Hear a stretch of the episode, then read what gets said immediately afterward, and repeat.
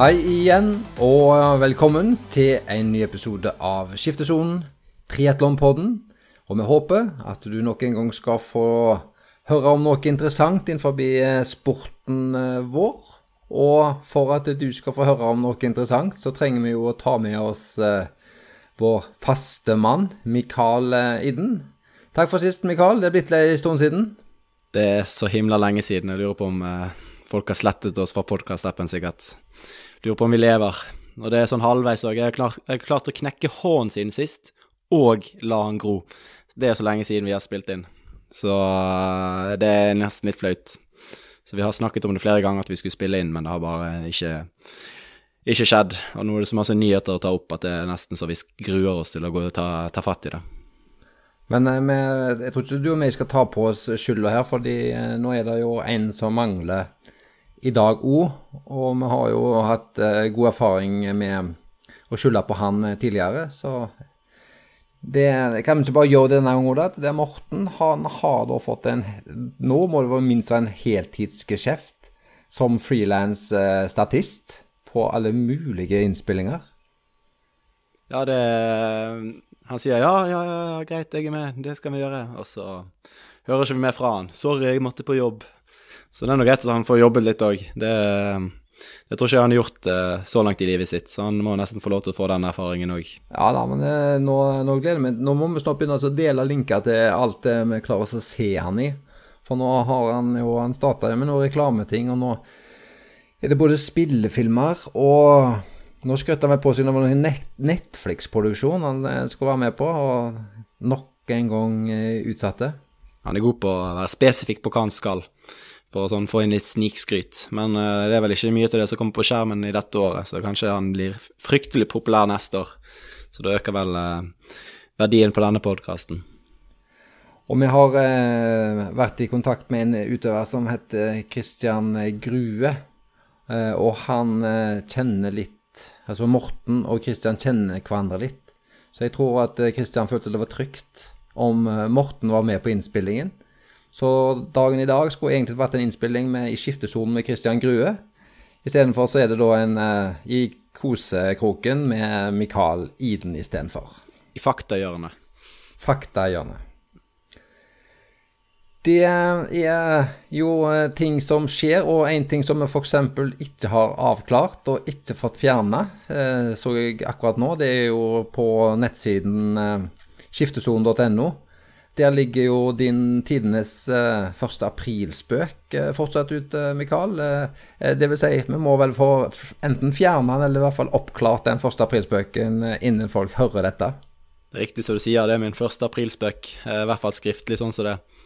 Så jeg kom seint på dagen og tenkte jeg, ja, jeg får lage et eller annet til siden vår. Så jeg vet ikke helt hvor, hvor, mye han ble tatt imot, og hvor godt han ble tatt imot. Men jeg spurte om tillatelse fra flere av de involverte, så det får være godt nok.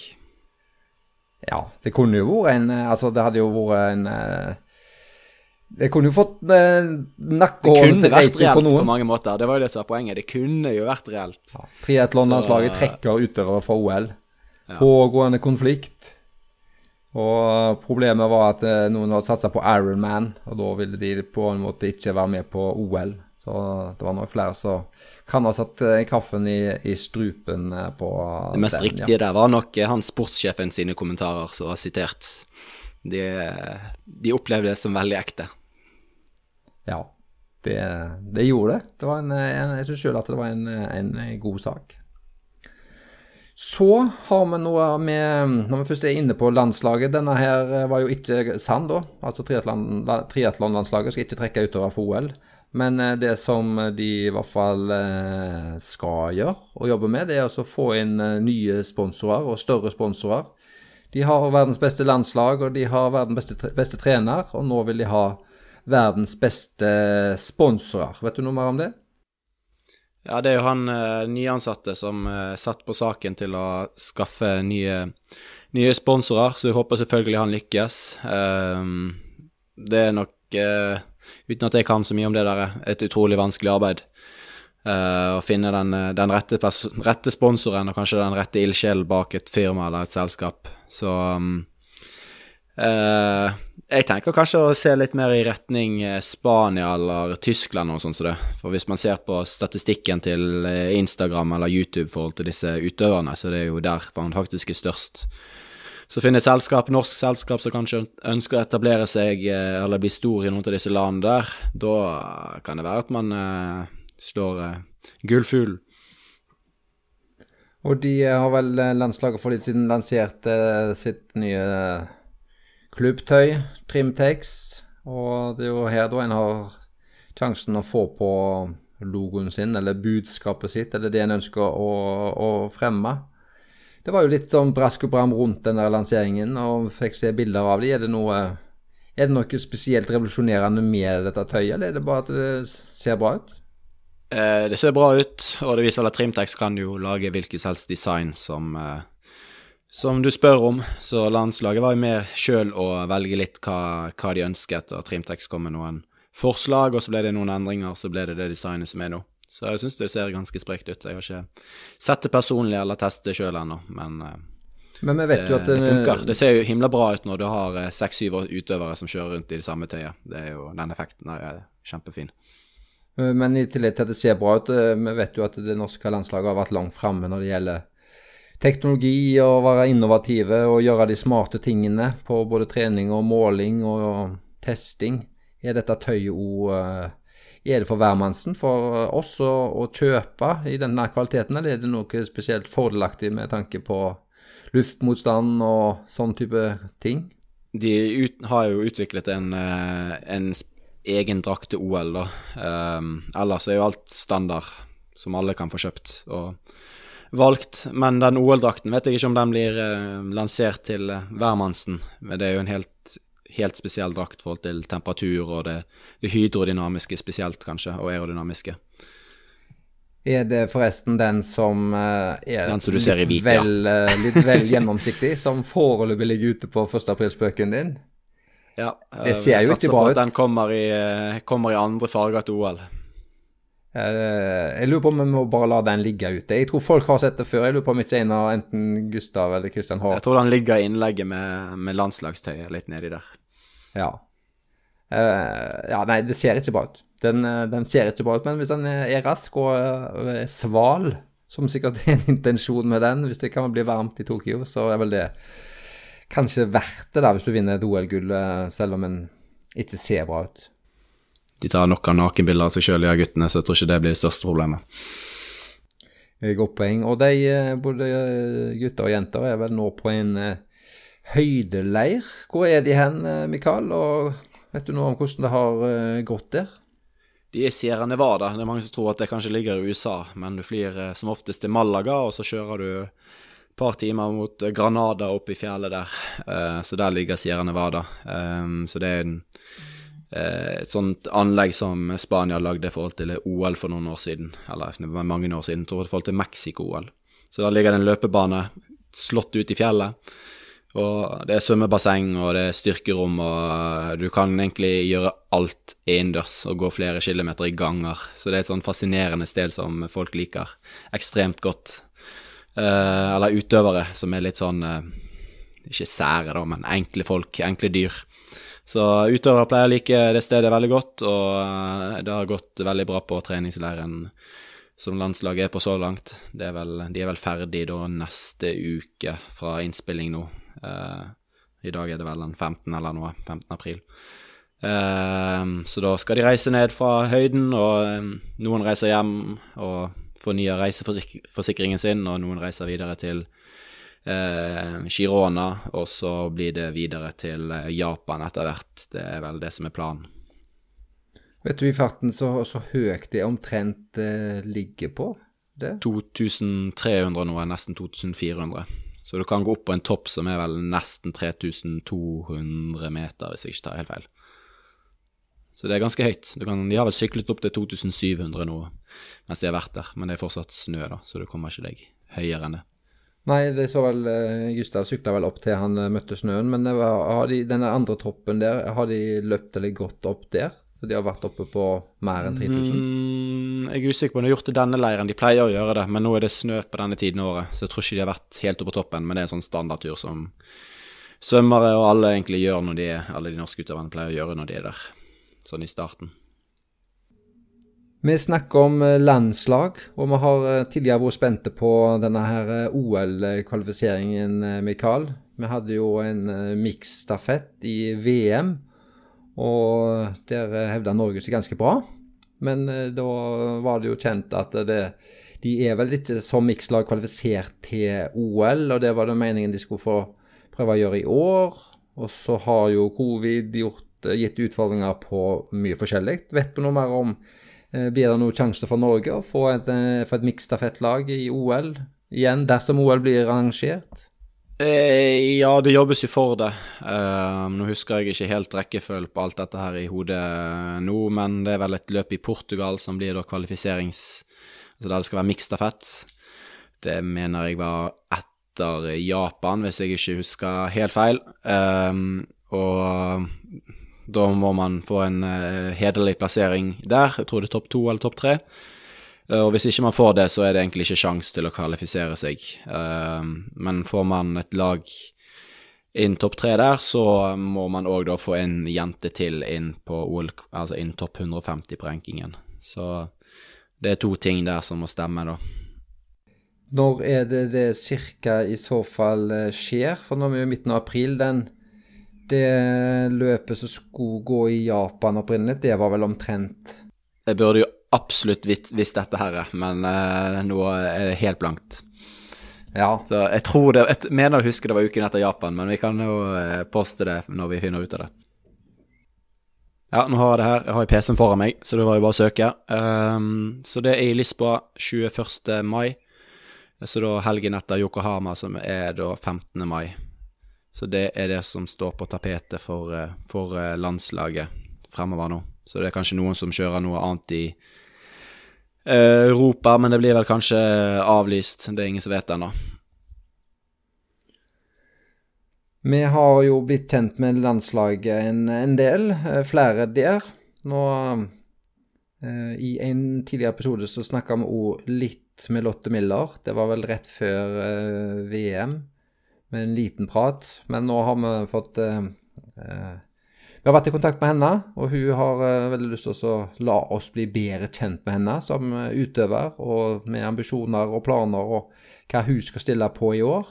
Og hva hun håper og drømmer om, og hvordan formen er, og alt dette her. Så i løpet av en eh, to-tre uker så håper vi òg at vi har fått gjort et større intervju med henne. Da har vi blitt kjent med enda en utøver på landslaget. Og Blue Blumenfelt. Han Christian har vi vel blitt kjent med, men han har nå vært litt hemmelighetsfull. Men han har vel nå lansert eh, noen nye sponsorer, eh, Mikael. Og eh, tror du han blir like rask som Gustav på sykkelen av den grunn? Det skal i hvert fall ikke stå på sykkel nå. Han dro jo veldig lenge på hva, hva sponsoren hadde fått seg. sykkelsponsor. Vi visste jo lenge at han forsvant ut av Specialized-teamet, ehm, og eh, han klarte til slutt å lansere da at det var eh, en Cadex-avtale som han har eh, signert. Så det blir gøy og spennende å se de to som et team på like sykler. Så um, han har jo testet Gustavs sykkel litt det siste året og har sagt at den, den er god nok for meg. Så Cadex, eh, de er jo stor, det er sånn Hva blir det da? Er sånn datterselskap til Giant, eller eliteselskapet til Giant. Uh, så det er jo de han har en uh, kontrakt med nå. Og Cadex har vært skikkelig aktiv i det siste. Så Tyler Mistelchuck, han kanadiske som vi nevnte i siste episode, han har òg signert en Cadex juleavtale, da, så kun jul. Sammen med Tyler Spivey. Det er da en dame og en mann, selv om de har samme fornavn. Utrolig nok. Eh, det er jo damen til Vansen Vincent Louis. Bette Potter eh, har òg da en Cadex juleavtale. Og så en Tamara Gorman, hun er vel junior- og U23-verdensmester, så på vei opp i seniorklassene. Hun har vel òg en, en Giant-avtale. Så det var gøy at Kristian endelig klarte å lansere det. Så ja, det er gode sykler og god jul. Så jeg tipper at Kadex får i hvert fall én OL-medalje med den eh, lineupen der. Det er sikkert derfor de har signert alle disse utøverne òg. Det skal godt gjøres om de ikke får det. Vi håper i hvert fall eh, Om de får det, bryr vi oss ikke om, men uh, vi holder jo med de norske utøverne. Så. Ja, det blir forstått på det norsk Kadex-utøver i hvert fall. Og du var jo, altså Vi snakket jo litt om utstyr der. Uh, vi har tidligere i en sykkelepisode snakka om utstyr, og vi skal ikke snakke om det nå, men noe nytt har jo kommet som kan være spennende og interessant for folk som liker å sykle. og nye Garmin-pedaler, Mikael, er, det, er, det noen endringer i forhold av, av, de forrige? Det er egentlig minimale endringer. Det er stort sett de samme programvarene som har vært de siste oppdateringene på Garmin vektorpedaler. og mye, inn, mye av den samme innmaten òg som var på Garmin Vektorpedaler. Eh, de første, altså den Garmin Vektor 3, første versjonen av de var jo fryktelig dårlig. Eh, folk måtte jo levere de inn og inn og inn og inn, fordi de sleit med å holde kontakten. Eh, så Garmin klarte å lage et nytt sånn lokk eller batteriholder, og anbefalte et annet batteri enn det de kom med i starten. Så den måte, det nye lokket og den nye teknologien har jo gått inn i disse nye pedalene, så det er Garmin Rally, som de heter. Og så er plattformen annerledes, da. Det har jo ikke eksistert Shimano Cleat uh, wattpedaler før. Så det har de kommet med, og så har de kommet med da MTB uh, Cleat-versjon. Uh, så jeg vet ikke helt om jeg kommer til å gå for det. Jeg har uh, wattkrank og er fornøyd med det. Så jeg vet ikke om du har tenkt på det på den nye sykkelen din. Nei, jeg snakket jo med en som gjorde som han hadde peiling på dette her, så jeg endte jo med en vattkrank eh, ego. Aller beste tips eh, i den takeaway. Ja, når du bare har en sykkel og ikke uh, gidder å styre frem og tilbake med pedaler, så er det enklest, tenker jeg, å ha krank. Men jeg har bestilt den sykkelen som jeg nevnte, så den er i posten. Fly fra Taiwan nå, as we speak, tror jeg. Så nå um, I dag var det jo kanonfint vær uh, ute. Og det er skikkelig uh, vårfølelse. Så nå er jeg veldig klar for å Det kribler litt i sykkelbeinet? Ja, det kribler masse i å sykle, i sykle utebeinet. Uh. jeg er jo veldig komfortabel med å sitte inne på ei rulle, altså, for da slipper jeg å lure på hvor jeg skal sykle hen. Og om jeg blir tatt igjen av noen, eller om Men jeg blir fortalt du sykler ikke inn der du trør. Skal ja. ikke forveksles. Ja, da kan vi jo spørre, hvordan var det det gikk? Eh, du snakket om at du hadde fått et brudd i hånda, Mikael. Var det en um, Snubla du ut når du gikk tur, eller var det noe annet du gjorde? Nei, uh, det var uh, Haugesund ble jo stengt ned for flere uker siden, og da hadde jeg en fin mandag der jeg kunne tilbringe ute på sykkel. På sykkel, ja, nemlig. Og uh, ja, det var jo frost om morgenen. Ventet en time, ventet en time til. Til slutt så klarte jeg ikke å vente lenger. Jeg tenkte jeg nå er, nå er frosten vekk. vekke.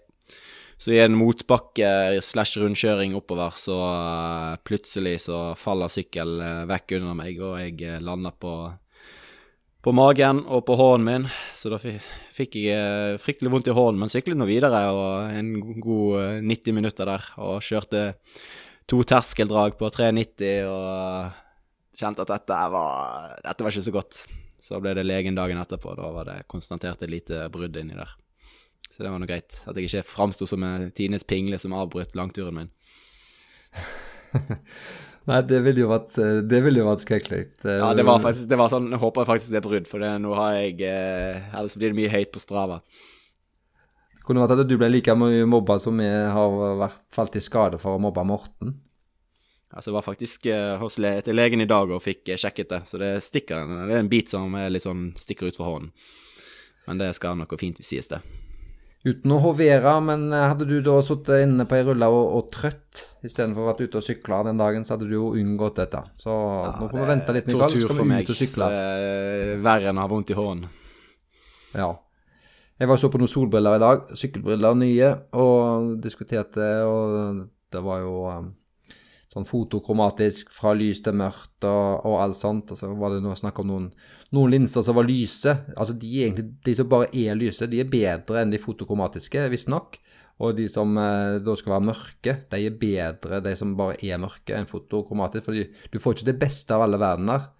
Men da sa jo jeg ganske klart at det, eh, sånne eh, lyse, eller blanke, det trenger jeg ikke. For de dagene sykler jeg ikke ute. Ja, det, det, har jeg opplevd noen ganger at det har jeg litt lyst til å ha, men uh, det er ofte at du sykler så lenge eller du begynner så tidlig at uh, du kanskje kjører med briller en time der. blir litt sånn tørr og kald på øynene. Men eh, det Fotogrammatisk jeg har hatt noen briller som er sånn, og det er jo fryktelig, fryktelig digg. Kjører lange tunneler òg, så blir de fort, eh, fort lys. Så du får Ja. kjørt gjennom med briller på. Og det er spesielt på ettermiddagstur, da, at hvis sola går ned. Så det er jo ingen tvil om at det er fornuftig å, å ha. Men jeg Mm. Må det er dyrt. ha, jeg må vel ha noen sorter briller for alle mulige typer. Det spørs jo hva, hva Ja, det var det jeg hørte nå, at du skal kjøpe tre par nye briller. Nei, jeg skal iallfall ha ett. Eh, Siste ting med utstyr som var litt, eh, kan være litt gøyalt for de som bruker SRAM eh. Eh, Hva var det du eh, forklarte med den SRAM Rival? Altså elektrisk gir med noen oppgraderinger eller noe eh, på den tolvgirte systemet, eller tolvdelte systemet de gjør det det? nye er vel eh, at eh, de har gått ned på en måte en modell da, med elektrisk giring. Så de har tidligere, Sam har jo tidligere kun hatt de to øverste modellene som elektrisk, og det samme har jo eh, Shimano. De har jo kun eh, de to øverste modellene eh, med, med elektrisk gir, altså high end. Så nå har de gått ned et hakk, så det, nå kommer det nok til å bli ganske billig med god kvalitet på på elektrisk giring. Eh, det eneste kompromisset du får, er vel eh, vekten. Jeg mener, jeg hørte, eller leste på at SRAM Rival skulle ha på en måte De har nesten tatt vekk noen funksjoner for Altså, de har ikke sånn import, og du kan ikke justere giret på, på hendel, da. Men jeg tipper kvaliteten ellers er stort sett like god. Hvor vanskelig kan det være å skifte fra ett gir til et annet? Det var litt om landslag og Morten som statist, og om litt utstyr. Og så har vi jo um, noe som er um, Det har vært litt eh, diskusjon omkring, som vi er stolte av og glade for i uh, triatlon, eh, Mikael. Og um, vi kan gå både bruke ordet likestilling og etterpå para, som er, en, er viktige elementer og, og anerkjent i triatlon. Men eh, hvis vi starter med likestilling, eh, triatlon. Det har vært mye diskusjon både i sykkelmiljø om eh, jenter fortjente like mye lønn. En ser i vinter nå, innenfor hoppsporten, så har det vært mye diskusjon med kvinner og versus menn, med lønninger og det å få lov å delta på samme type ting. Men der vil vi vel si at eh, triatlon er kommet eh, langt, og vel egentlig er så likestilt som det kan eh, bli. Både når det gjelder samme distanser, samme prispenger, og alt har eh, olympisk eh, status. Og der har vi vel lov å slå oss litt på brystet med triatlon, Mikael? Ja, det kommer vel kanskje ikke som noe sjokk at den idretten er Idretten vår er såpass likestilt. Jeg har ikke kommet på noen som er, som er bedre, eller hva skulle vært bedre. Det er kanskje noen som ligger litt jevnt. Jeg vet ikke om det med, med tennis og uh, friidrett og sånn, sånn sett. Men uh, det er jo ekstremt positivt at sporten vår er så lik, uh, gutter og jenter. det eneste forskjellen er vel kanskje sponsoravtaler som noen får, men det har vi jo med hvor god du er å promotere deg sjøl. Men det er jo veldig enkelt at det er like distanser og like pengepremier. Jeg skjønner ikke hvorfor det skal være forskjell. Det jo, gjør det bare vanskeligere å få det til. Og eh, ja, med, når vi snakket litt i forkant, Mikael, så eh, hadde vi lyst til å komme inn på både likestilling og para. Det er jo uten sammenligning at de her kom etter hverandre, så beklager hvis jeg oppfatter det sånn. Men eh, dette med paraidrett og interesse og muligheter innenfor eh, triatlon, der er det jo mange sterke og fine historier og stor interesse for dette. Ja, vi har hentet, uh, hentet litt uh, Ikke gøye ting, men litt forskjellige fakta om, uh, om, dette her til dagens episode. Og det startet vel egentlig med at en som heter Dick Hoit, døde. og han var jo kjent for å ha med seg sin sønn, som var vel psykisk utviklingshemmet, hvis jeg ikke tar helt feil, på jeg tror han har CP uh, på uh, Ironman-konkurranser og på maratondistanser. Han kjørte sønnen sin i en vogn. så tenkte jeg det, kjøre en hel full Ironman med, med et voksent menneske i en båt etter deg på svømming og i en vogn på sykkel og i en vogn på løping. Så det er jo helt ekstremt. så han ble jo ganske stor stor eh, av det. Eh, og i Norge fikk jo vi etter hvert eh, Team Tvilling til, eh, til, Norge, som er egentlig basert litt på det samme, at du har eh, disse vognene så du kan ha med deg eh, noen som ikke har mulighet til å, til å, frakte seg sjøl til mål. Og det ble jo plassert her i Haugesund, og har hatt et, et, team eller lag oppe i, i, flere år som de har vært med og kjørt, kjørt triatlon. Så det er utrolig utrolig kult å, eh, å, ha sett, og at eh, man, man, får det til. Eh, og det han Truls Svendsen var jo med på å lage TV-program med, med, denne gjengen her for flere år siden, og det var jo utrolig artig. Um, så para og den biten har jo vært uh, stått egentlig ganske sterkt i triatlon, føler jeg i hvert fall de siste årene. Uh, det Team Tvilling er jo sånn uh, Jeg tror det er vel dansk basert, så det er litt sånn samme konsept. En, en uh, mann som har med seg sin bror, som ikke hadde mulighet til å klare å transportere seg sjøl.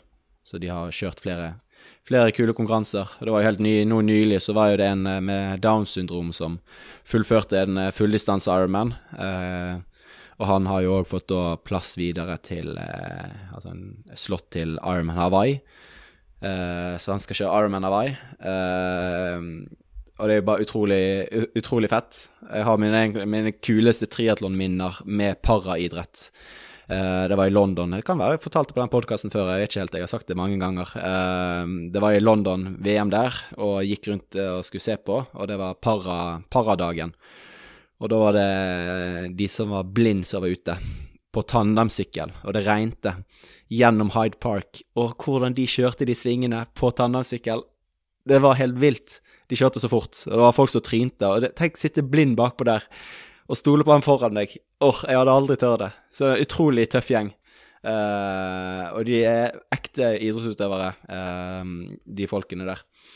Um, og eh, et nytt tegn på kanskje at eh, paraidretten er blitt litt mer anerkjent, er jo at eh, Bahrain 13-laget Vi kan jo si hva vi vil om det, men de har jo tatt inn en, en parautøver. hun var jo eh, triatlonutøver før hun kom i en bilulykke. og er da parautøver. Lauren Parker, som er da blitt en del av Bahrain 13-laget. Uh, og så så vi òg at Superleague òg hadde da uh, med seg uh, Hadde med en egen para, paraklasse. Det var flere ulike klasser som stilte, da, så det var vel tre, tror jeg, hver, i hver paraklasse som var med. Um, så det vokser, og det begynner å bli større og større. Um, så det er, det er veldig kjekt å se. Trenger ikke nevne opp alle de ulike klassene her. Det er finner du på Triatlon eh, sin sider, og det er vel linket på Triatlon Norge sine hjemmesider til eh, paraansvarlige i de ulike deler av Norge. Så hvis man kjenner noen eller eh, er interessert sjøl, så er det bare å plukke opp de eller gå inn på Triatlon Org og se. Det er flere ulike klasser hvor man kan konkurrere, og det, det vokser som idrett i triatlon veldig. Så det er bare å hoppe på toget. Og det var vel den uh, superligaen som nå gikk i London, som var Som uh, vi skal komme litt tilbake litt senere med den resultatene med, med menn og, og, kvinner, og litt fra Superleague. Men det var jo et svært arrangement som da ble sendt, sendt digitalt, naturligvis. Og der de sykla på Sykla på ruller og brukte Swift og svømte og, og løp. Så det var jo altså det, det, ble jo et ganske godt uh, digitalt uh, En digital sending, det, som var spennende. Så det var ja, det var gøy at de fikk, med, eh, fikk inn para på, på, det programmet der. Jeg tror ikke de hadde egen sending. Uh, jeg fikk ikke tid til å se alt der sjøl, så jeg tror de bare hadde en oppsummeringssending på para, hvis jeg ikke tar helt feil. men jo, det var stilig.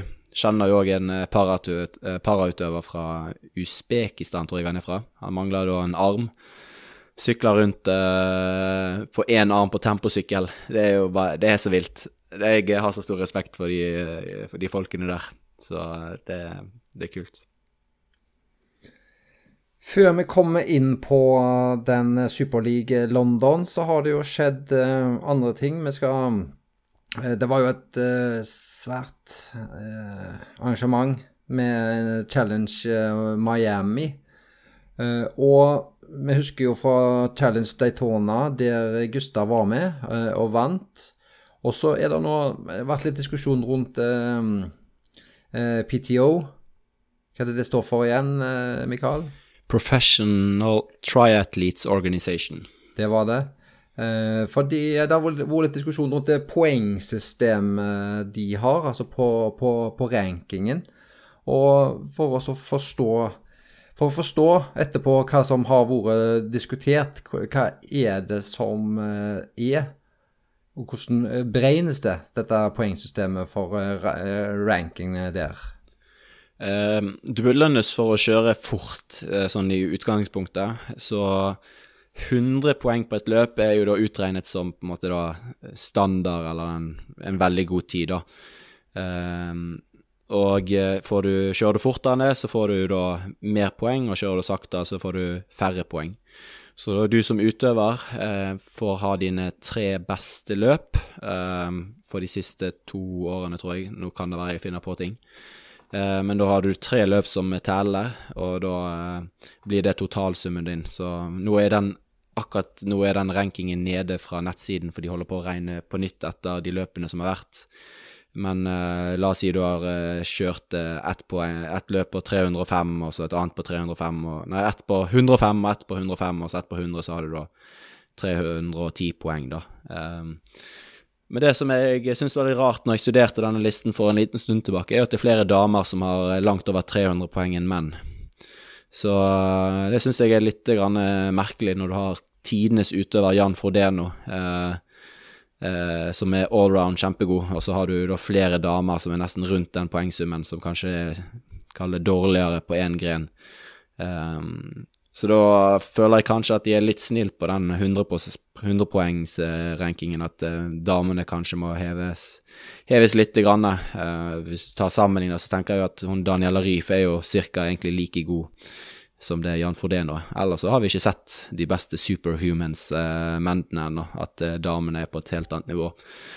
Det blir en veldig enkel spekulasjon, da. Eh, men sånn som ser Gustav sin poengsum er jo ganske dårlig i forhold til, forhold til damene, da. Så skulle gjerne gått mer i detalj, men listen er som sagt nede nå. Men dere kan gå inn og se når den kommer opp igjen. Men det er jo ikke avgjørende, de poengene, fordi til tross for dårlig poengsum som på Gustav, så så kom han jo og hevda seg som en Ja, etter listene så var han en outsider i Daytona, men uh, Grunnen til det var jo bare at han hadde to løp, så han hadde ikke det tredje løpet som talt. Derfor måtte han da ha uh, uh, sånn wildcard for å komme, komme, inn. Ja. Men da, når vi da er hopper til Challenge Miami, så var jo da omsider Jan Frodeno tilbake. Jeg vet ikke om vi kan kalle han en legende. Han har nå vært med lenge nå, men eh, det er jo en uh, markert og markant fyr i dette sirkuset her. Som leder sterkt og nok en gang vant. Hva er det som gjør at han er så suveren, og hva er det med hele, den, med hele denne fyren her? Han er jo bare allround god på alle grener, hvis man ser på det sånn sett. Men et det er nok mye med at han har fått den statusen som han har. Uh, det tror jeg på. Uh, at han har liksom blitt markert som den beste utøveren etter det OL-gullet. Jeg tror ikke han Hadde han ikke tatt det OL-gullet, så tror jeg han hadde vært en helt annen utøver i dag. For den, den selvtilliten eller den statusen du får etter det, den er nok med å markere deg veldig.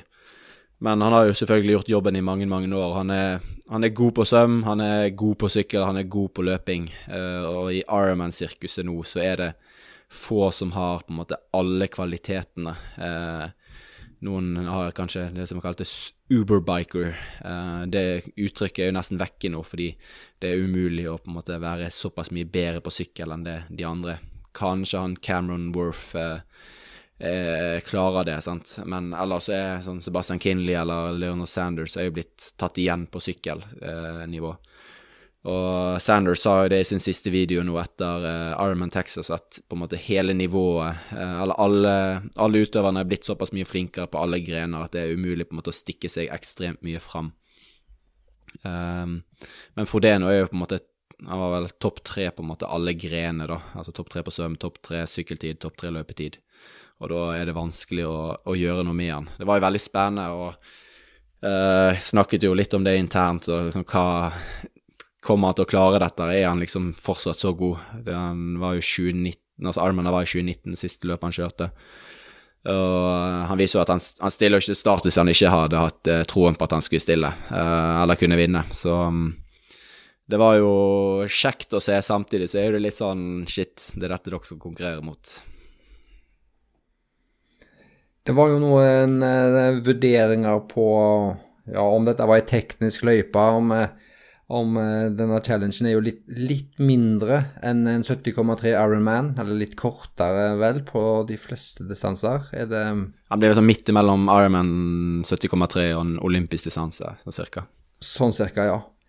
Men eh, denne her eh, Vil du si at det er, er det en fordel for de som kommer fra kortdistanse? Hvis du tenker deg at både Gustav og Kristian skulle konkurrert med Jan Frodeno her, eh, f.eks. Så er det noen som liker å diskutere vil kortdistanse ha noen fordel versus langdistanse. Det, har det veldig mye å si på så eventuelt så teknisk denne løypa, eller bør dette her være noe som alle bare kan? Jeg mener jo at uh, Altså, det du er inne på, er liksom ja, Dette er en løype for kortdistanse, dette er en løype for langdistanse, men alle som sykler triatlon, skal jo kunne svinge en sving. Altså, det er jo tragisk. Altså, det er større sjanse for en Ironman, altså langdistanseutøver, er bedre på å svinge med temposykkel enn det er en kortdistanseutøvere som er vant til å kjøre på en racersykkel.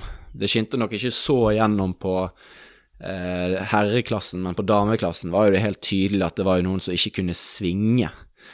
Altså, og det er jo helt fryktelig. Eh, og så sier du sånn, ja, men hun har langdistansebakgrunn, men det stemmer heller ikke.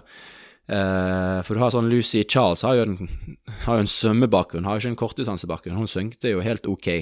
Men så har du Paula Finley, som har jo da vunnet VTS-løp for mange mange år siden. Hun kunne jo ikke svinge på den nye sykkelen sin og tapte ut terreng, så det holdt. Så det, jeg, jeg, tenker at vi skal ikke generalisere det ene eller det andre i så stor grad, uh, men uh, se på enkeltutøverne at det er noen som har noen ferdigheter som, uh, som de burde ha, altså noen som har noen ferdigheter som de mangler eller ikke har noen ferdigheter. Så um, forhold til det taktiske òg, altså sånn, jeg er flink på å kjøre taktisk. altså Gustav har jo ikke kjørt mange 70,3-løp, men han er jo god taktisk på det. fordi om så jeg tenker det er nesten bare eh, om man er reflektert eller ikke reflektert og øvd eller ikke øvd, um, hvis jeg skal være litt hard på det. Ja, det var jo noen erfaringer med Challenge Miami, men eh, av en eller annen grunn samme helga var det vel, så gikk jo Ironman eh, Dubai.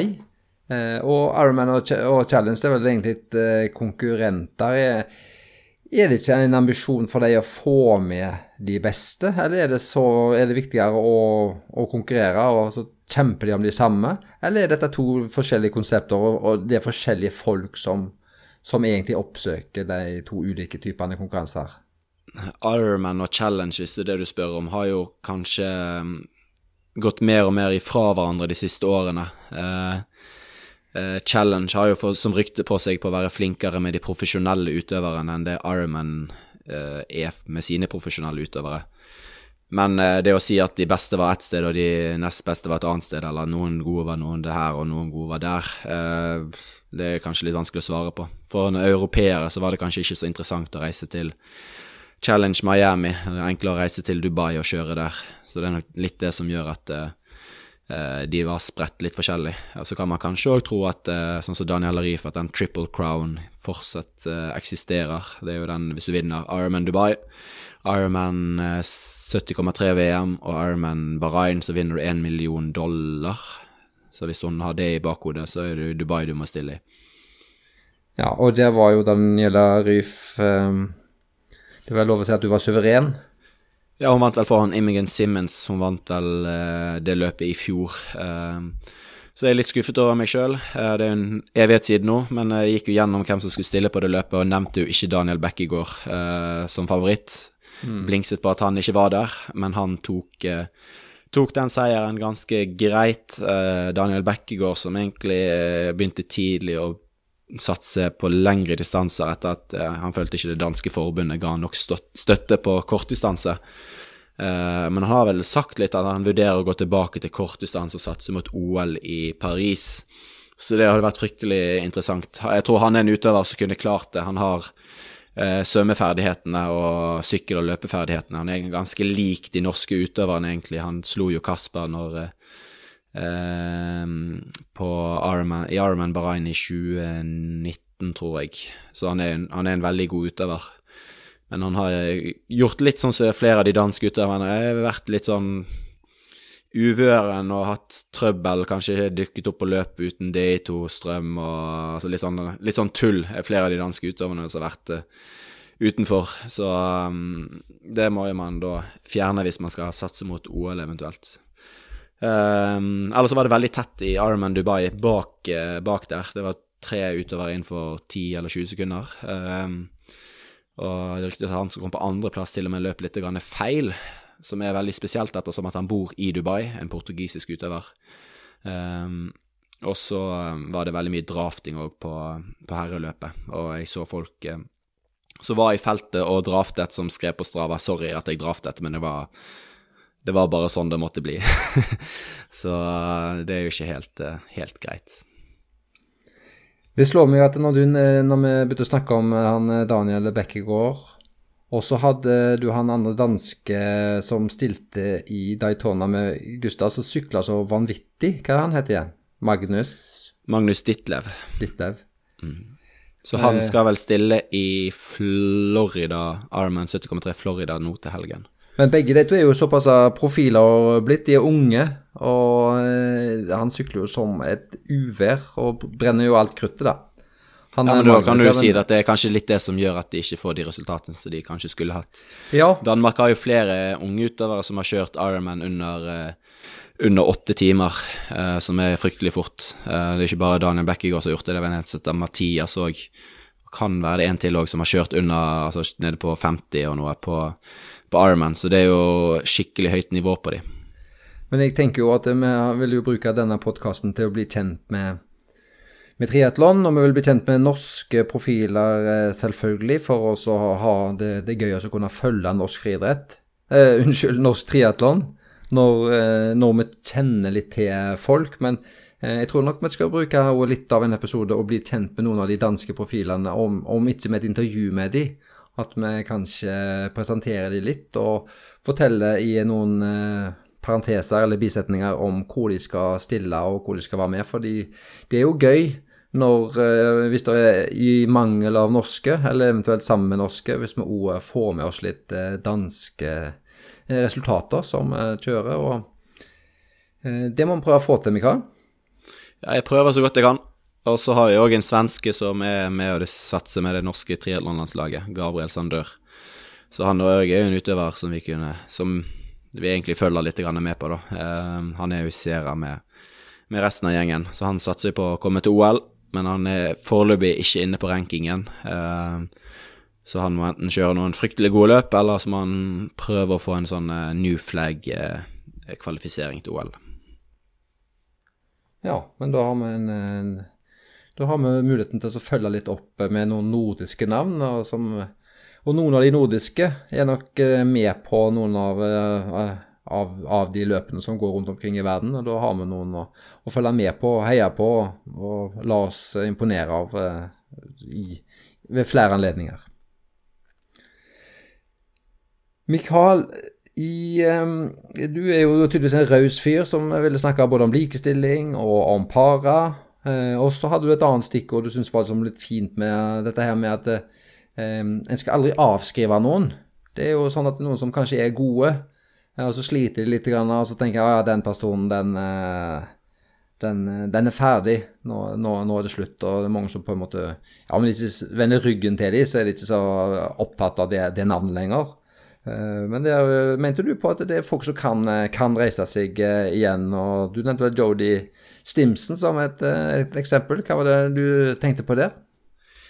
Jeg skal ikke pådra meg at jeg kjenner hun og hennes historie sånn fryktelig godt, men det er det sånn Kjenner du til Altså, du kjenner jo godt sjøl hvor, hvor, du kan være og hva nivå du er på, men i verden så blir det mer og mer tabloid, og ting går enten kjempebra eller kjempedårlig, så er det liksom lett for å, for å avskrive folk og si at nei, nå er de ferdig. Og, sånn, du ser på uh, Daytona der hun kanskje ikke gjør et så godt løp, så tenker du nei, hun der får hun egentlig bare legge opp, hun er ikke god nok. Og så ser du nå, så vinner hun uh, Miami. Og så kan du se på hun Flora, nei ikke Flora, men uh, Paula Finley, som da gjør et, kall det dårlig løp i Miami, og tenker herregud, nå er jo hun helt ferdig. Um, så eh, det er ikke noe mer enn det enn at uh, man uh, kanskje ikke skal være så flink å avskrive folk, men ha litt, litt troen på dem. De har nok, Jeg regner med folk har såpass god selvinnsikt at når de satser, så vet de hva de er gode for, og at de har, har noe der å gjøre. Um, spesielt de som har vært store. Uh, de skal du i hvert fall ikke legge vekk. Du ser på han Mark Cavendish nå som ville satse videre på sykling. og og uh, fikk en, fikk en ettårskontrakt, og uh, folk bare 'herregud, hva er det han holder på med?' Så kommer han og vinner tre etapper på rad. Ja, kanskje ikke det største riktige, men det var noen gode spurter der òg.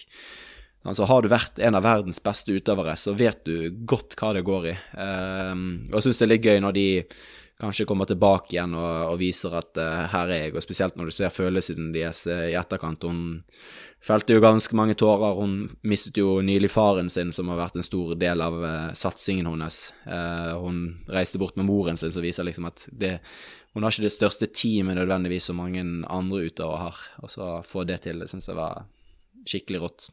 Men du sa ikke noe til alle hva, hva det var hun uh, vant?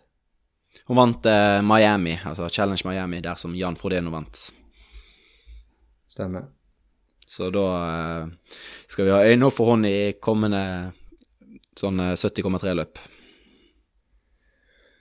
Av ting som har skjedd, eh, så kan vi ta inn igjen Superleague London, Mikael. For det var det jo spennende og tett. og kanskje, Jeg vet ikke om egentlig damene kanskje var, var det mest spennende der, jeg. Men uh, Lucy Charles var jo en av uh, favorittene. En hadde jo en eh, del forhåpninger til henne, men uh, det gikk jo bare nesten veien. Vil du starte med damer, eller vil du starte med menn på den ja, Nå begynte jo du med, med, damene, da. Jeg var jo lyst til å starte med mennene. siden ja, jeg kunne med mennene. Med. Jeg skal begynne med mennene. Ja, greit. ja, det er ikke så mye å si om mennene. han Vasco fra Portugal. Han bor jo og trener i, i, Spania. Han fikk jo et utrolig gjennombrudd der han fikk eh, andreplass i VM eh, i Hamburg i fjor, og ble plutselig sett på som en av de største utøverne. Så han var jo et, et eh, hot, uh, hot pick inn mot dette løpet her. Um, men han uh, falt totalt igjennom etter første runden, og vi så ikke særlig mye mer til han. så det var jo litt merkelig. Men han er fortsatt ung, så jeg har nok litt, eh, litt, å gå på ennå i forhold til eh, det å bli solid nok. Eh, men det var Marten Van Riel som til slutt stakk, over, stakk av med seieren. Han rykket jo foten tidligere den uken og var, hadde nesten ikke løpt og hadde småvondt der. Så han viser jo at han er i ganske god form inn mot OL. Det samme gjør jo Nislag, Justus Nislag, som som vant vel dette eh, Rotterdam-løpet i fjor. Han òg viser at han er i god form. Og så Brownlee er, er, tilbake, som er litt sånn comeback som vi snakket om med, med Jody Stinson, at uh, du skal ikke, skal ikke, avskrive han denne OL-sesongen her, selv om han har vært uh, litt sånn uh, ned på listene og litt sånn halvveis de siste årene, så, um, så virker han til å være i ekstremt god form. Um, så han blir, blir, spennende og skummel å følge med på løp fremover.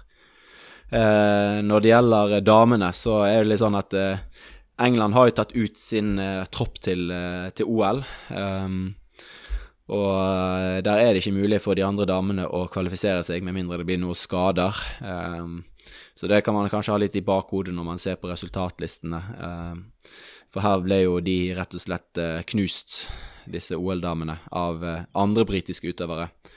Så Lucy Charles, som er en, langdistanseutøver, som vi snakket om litt i sted, hun, eh, hun eh, gjorde det ganske sterkt. Og det var egentlig ikke overraskende. Jeg er i hvert fall ikke overrasket når hun har eh, såpass god svømmebakgrunn. Så det å svømme 200 meter fort, det skal hun helt fint klare. Og vi vet at hun har sinnssyke wattverdier. Kanskje var det litt usikkerhet i forhold til løpingen hennes, men ikke egentlig. Hun er god på de korte distansene der, så hun, hun gjorde det sterkt. Men Det var uh, Beth Potter uh, som har blitt uh, kjendis de siste, siste ukene. Hun tok seieren.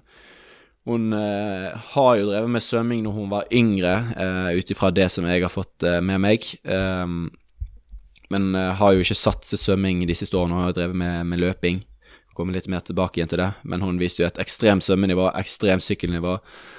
Og løpingen visste hun hadde, og hun stakk jo av med seieren her, da. Um, så det var ganske overraskende for mange. Jeg ble sjøl overrasket. Um, så det var, um, det var ganske spennende å se på. Men du nevnte at både uh, svømming var bra og sykkel var bra, men og så har hun løpt den, men hun, hun, har vel stilt for uh, Storbritannia i OL? på løping, har du ikke? Eller VM? Hun har vel sa, vi, Løpingen visste vi var bra. Ja, det visste det var vi var bra. Altså. Ja, det er så mye å si noe om. Jeg så henne vel første gang på EM uh, i 2019, kan det stemme? I, i Nederland. Uh, og da vant jo hun der, da. EM er jo ikke det største du kan vinne i triatlonsammenheng. Det er ikke noe som satses på i så stor grad. Men hun tok nå den tittelen eh, for noen år siden. Hun har jo satset triatlon etter, hun, etter eh, OL i London eh, og gått all in for dette her. Eh, så hun har jo virkelig klart å få det til, da. Eh, og i tillegg til å vinne eh, Super League London, denne Bet Potter, så leverte du vel et annet eh, godt eh, løp. Eh, det var vel knapt noen uke etterpå, så hun hadde tydeligvis mer futt igjen i beina når hun løp et gateløp på fem kilometer. Ja, så absolutt òg. Hun er jo viser at hun var i, i virkelig god form. Uh, jeg tror nok det er mest det som gjør det. Så har du Altså, du, jeg vet ikke om du har merket det sjøl noen ganger, men når liksom, du er i, i, toppform og bare pumpen går, og du kan bare presse og presse og presse, og presse, så er nok eh, i den formen hun er for tiden. Hun bor jo i Leeds og satser triatlon med en veldig stor og god gruppe der. Eh, og har nok nå fått eh, gjennomslag for all den treningen hun har gjort. og Kondisjonen hennes er nok fryktelig god, eh, så hun løper jo da 14,41 eller 42 på 5000 meter. Eller 5 kilometer er det vel, for det er gateløp. Så han tok jo uoffisiell verdensrekord. Eh, han har vel ikke blitt godkjent, og tror ikke han kommer til å bli det pga. det manglet eh, eh, offisielle dommere, visstnok, og det er den dopingtesten. Men det, det, som jeg har hørt, er at hun ble dopingtestet innen 24 timer etter løpet òg. Um, så det er bare det at eh, løypen, eller løpet, var ikke offisielt eh, nok til at det kan godkjennes, da. Men det som jeg stusser kanskje litt over, er jo Ja, det er veldig flott, men det kan jo umulig være den verdensrekorden for damer som har høyest nivå, når jeg tenker meg om. Vet ikke hva de løper på bane, jeg. Nei, men det er jo gateløp. Eh, det har vel vært ymse så verdsatt det har blitt med gateløp. Men eh, det er vel mange som tror at gateløp blir mer og mer eh, altså større. Og med publikumsvennligheten og mer, kan bli mer spektakulært enn bare rundt på en bane.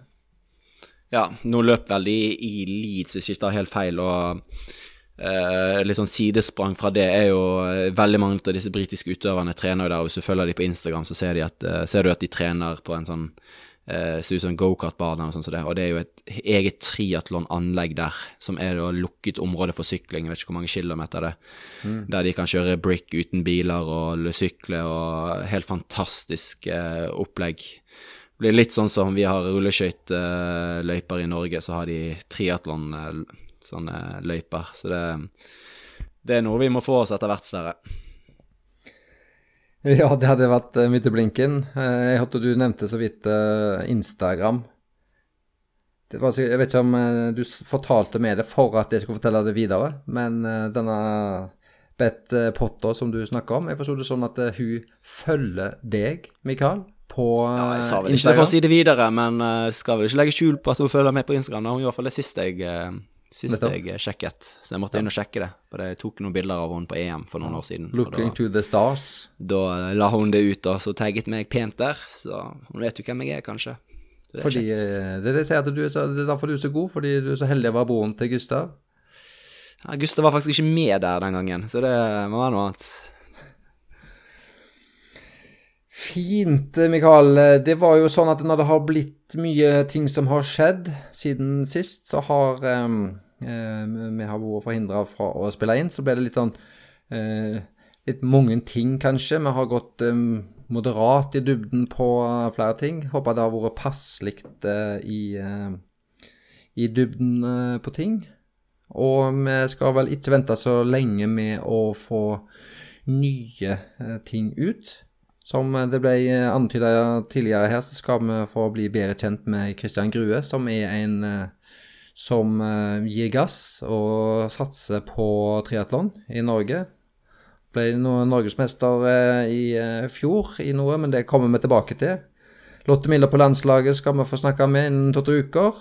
Og vi begynner med en Vi har vel sagt at vi har lyst til det, men nå har vi vært i kontakt med flere som jobber som trener eller coach, som de velger å kalle det på nynorsk.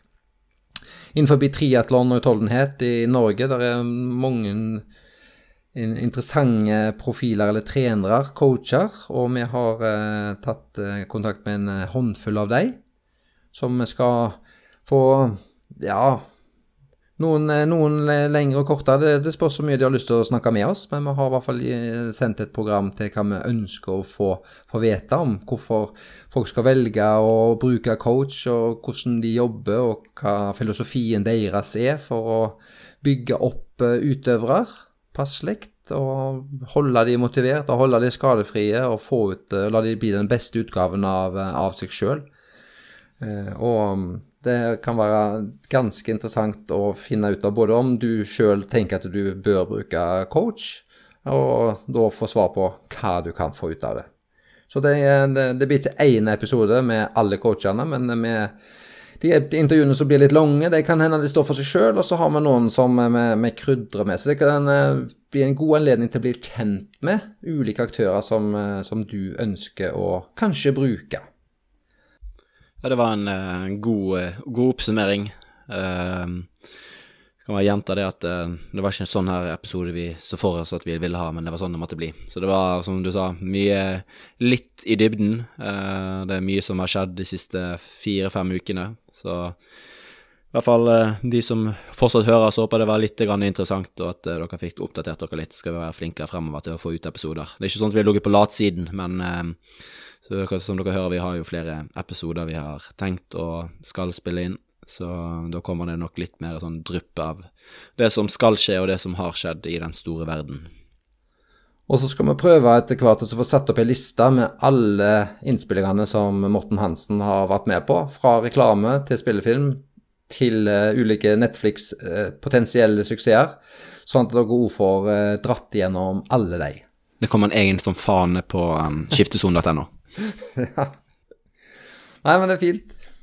Tusen takk for at eh, dere var med oss, og fortsett gjerne med Vi har ikke gått igjennom eh, sånn eh, spørsmål stilt i dag. Vi hadde ikke det som en eh, egen eh, ting, men eh, ting dere lurer på og vil vite mer om. Morten er, har mye kunnskap om det som skjer i triatlon. Mikael er jo trener på landslaget. Han vil ikke fortelle alle detaljer hvis det er noen som eh, har noe vondter og han holder litt hemmeligheter. Men han kan fortelle mye om hva landslaget gjør, og hvordan de trener, og masse sånn. Og har dere spørsmål, ta de gjerne opp, og det kan være kjekt å få de gjennomdiskutert i, i noen grad. Så fortsett gjerne med det til Instagram, skiftesonen eh, triatlonpodden. Inntil neste gang, ha det bra med masse deilig trening. Nå er det vår, og gi gass. Takk for i dag. Ha det bra.